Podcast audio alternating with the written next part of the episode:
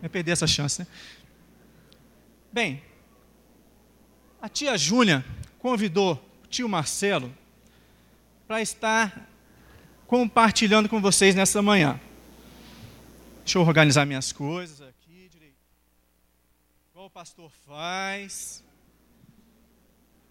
Tem uma coisa que o tio Marcelo vai fazer agora, que ele sempre teve vontade de fazer.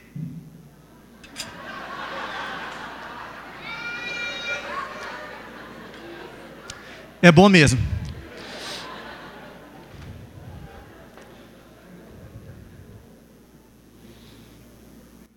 Ficar mais jovem, né? Afinal, a diferença nossa não é tão grande, mas vou ficar mais perto das crianças com o meu bonezinho de contar história. A tia Júlia me passou uma história, alegoria das ferramentas. Aí eu tive que ir no dicionário dar uma olhada o que é alegoria das ferramentas. alegoria é uma representação de uma ideia utilizando uma linguagem figurada. Entenderam, crianças? Ficou fácil agora. Nem eu entendi depois disso. Mas alegoria quer dizer, eu vou usar uns personagenzinhos para contar uma história de uma, é, uma história que tem um grande valor para a nossa vida. É isso que é essa alegoria, essas imagenzinhas, esse desenhozinho que a gente vai ver, vai ensinar muito para a gente nessa manhã. E aí, vamos começar a nossa história. Deixa eu puxar isso aqui para cá, para ficar melhor. Pra vocês enxergarem aqui as minhas ferramentas.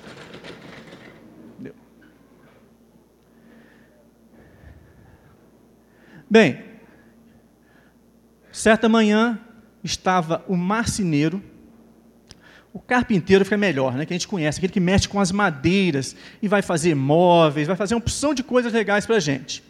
E aí ele estava lá todo feliz, trabalhando com as suas ferramentas, construindo coisas que são importantes para a gente. Uma mesa, um banco de uma igreja, várias coisas importantes.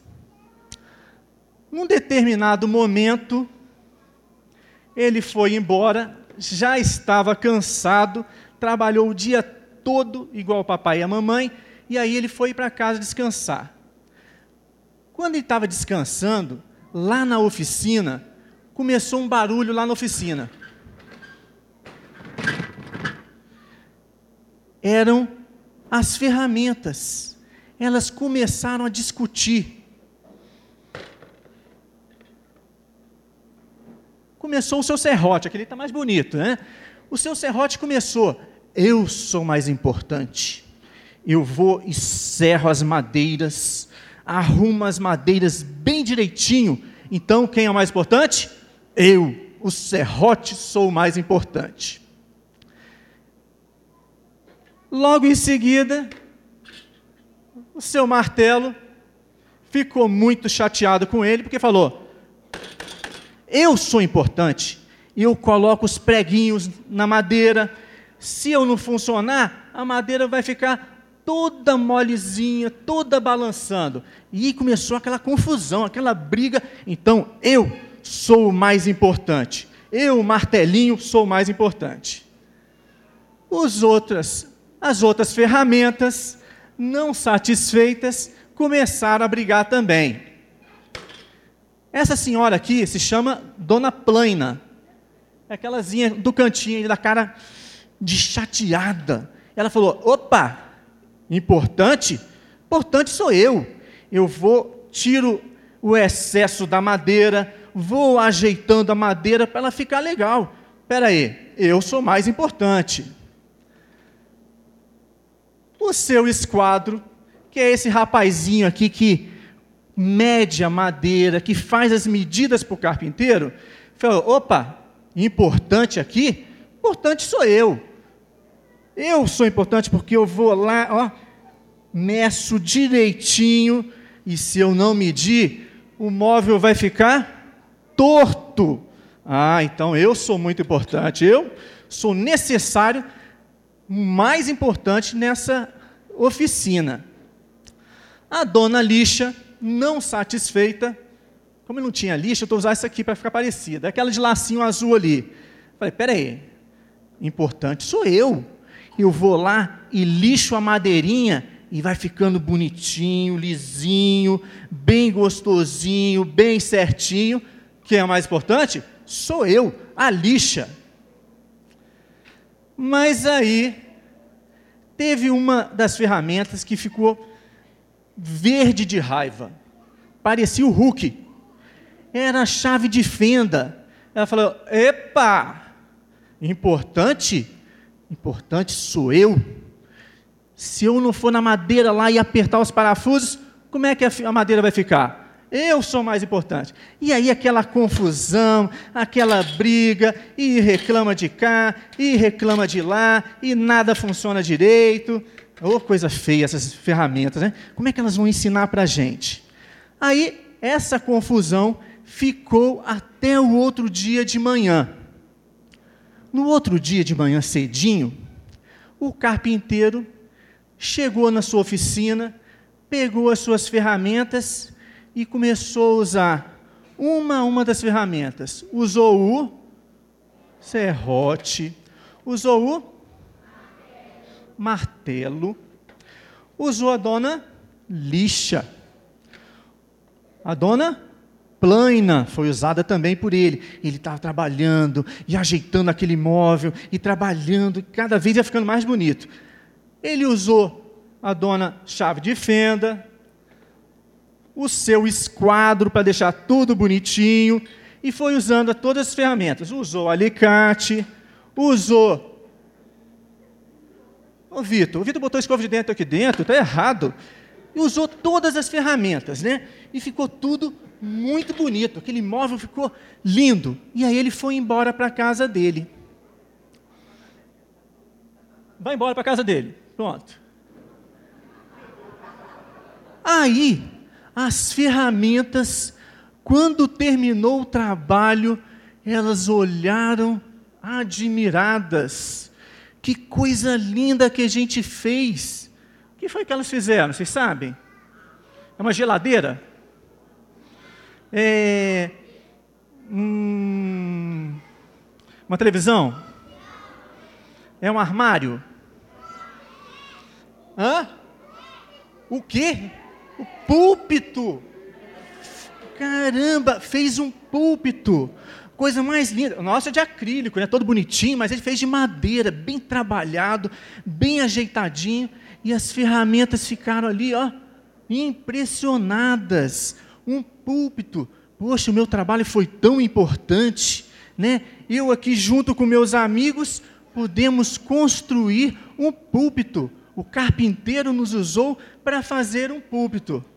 E aí, elas ficaram pensando: um púlpito é o lugar onde o pastor fica e ele estuda a palavra de Deus e ensina a palavra de Deus, ensina que a gente deve amar uns aos outros, ensina que a gente só chega à vida eterna através de Jesus. Jesus tem que vir morar no nosso coração, e aí, ó, beleza, a gente passa por aquela portinha e vai para o céu, viver com sempre para, com o nosso Senhor Jesus.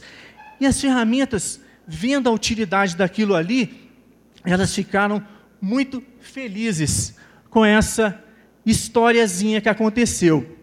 Elas foram embora para sua caixazinha, todas felizes, todas alegres, porque foram úteis no reino, no reino de Deus ainda não, vai ser daqui a pouquinho. Foram úteis no serviço do carpinteiro.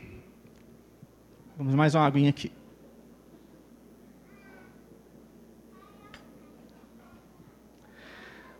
O que que a nossa história das ferramentas tem a ver com a gente? Tem a ver com cada criança que está aqui e com cada pessoa grandona que está ali atrás. Quem são as ferramentas? Cada um é uma ferramenta. Tem uns que são martelinho, tem outros que são serrotezinho, tem outros que são a plana, o esquadro, tem outros que são preguinho cabeça dura. Não tem? Tem. Tem grande também que é a cabeça dura, né? E nós somos ferramentas na mão de Deus. E sabe quem é um carpinteiro? O carpinteiro é Jesus. Ele quer nos usar para construir duas coisas.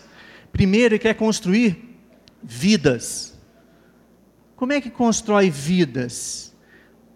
Através do nosso testemunho, através da gente ter Jesus no coração e a gente falar para as outras pessoas: olha, Jesus é muito bom, Jesus veio nos salvar. Se a gente compartilha isso com os nossos amiguinhos, com a nossa família, com os nossos vizinhos, a gente vai estar construindo vidas. Já pensou que importante? Que ferramentas importantes? E nós também somos ferramentas que constroem a igreja do Senhor. Há muito, muito tempo atrás, eu me lembro que o pastor dessa igreja é o pastor Cobb. Então tem muito tempo mesmo, tem mais de. É na época do pastor Valdeir, bem, bem antigo mesmo o negócio. Eu lembro que o pastor nos convocou para trabalhar na igreja. Crianças, adolescentes, jovens, adultos, velhinhos, todos juntos para pintar a igreja. Foi aquele prédio de trás a linda. Então viemos juntos, animados, trabalhar na obra do Senhor. Cada ferramentazinha pode trabalhar na obra do Senhor. Sabe por que isso? Porque lá na Bíblia, em 1 Coríntios 3, 9, fala aquilo ali. Como eu sei que tem algumas crianças bem pequenininhas que não sabem ler ainda, então vamos ler juntos? Somos cooperadores de Deus. De novo, somos. Caramba, vocês acabaram de falar que nós somos ajudadores, trabalhamos juntos com Deus. Que responsabilidade que nós temos, né? Então cada um é convocado por Deus para trabalhar na sua obra, para fazer as coisas que Deus quer que a gente faça, para testemunhar da sua palavra. Por isso, antes de encerrar, que a nossa história não pode ser muito longa, ferramenta serve para ficar guardada dentro da caixa? Não. A ferramenta serve para ficar paradinha no banco? Não. A ferramentazinha tem que trabalhar. Né? E cada um aqui, tanto as crianças lindas da nossa igreja, como os adultos, jovens e demais também bonitos da igreja, precisam trabalhar na obra do Senhor. Nós somos cooperadores de Deus e precisamos estar nos dispondo na sua obra. Como é que uma criancinha pequenininha vai poder ajudar na obra de Deus? Já pensaram na nova sede? Aquele terreno que a gente tem lá, que a gente vai trabalhar muito lá? A gente pode estar orando, a gente pode estar contribuindo, como? Juntando o nosso dinheirinho, guardando as moedinhas, né? Cada um pode estar participando nessa, nessa construção da nova sede. Né? Deus quer que cada um de nós esteja participando.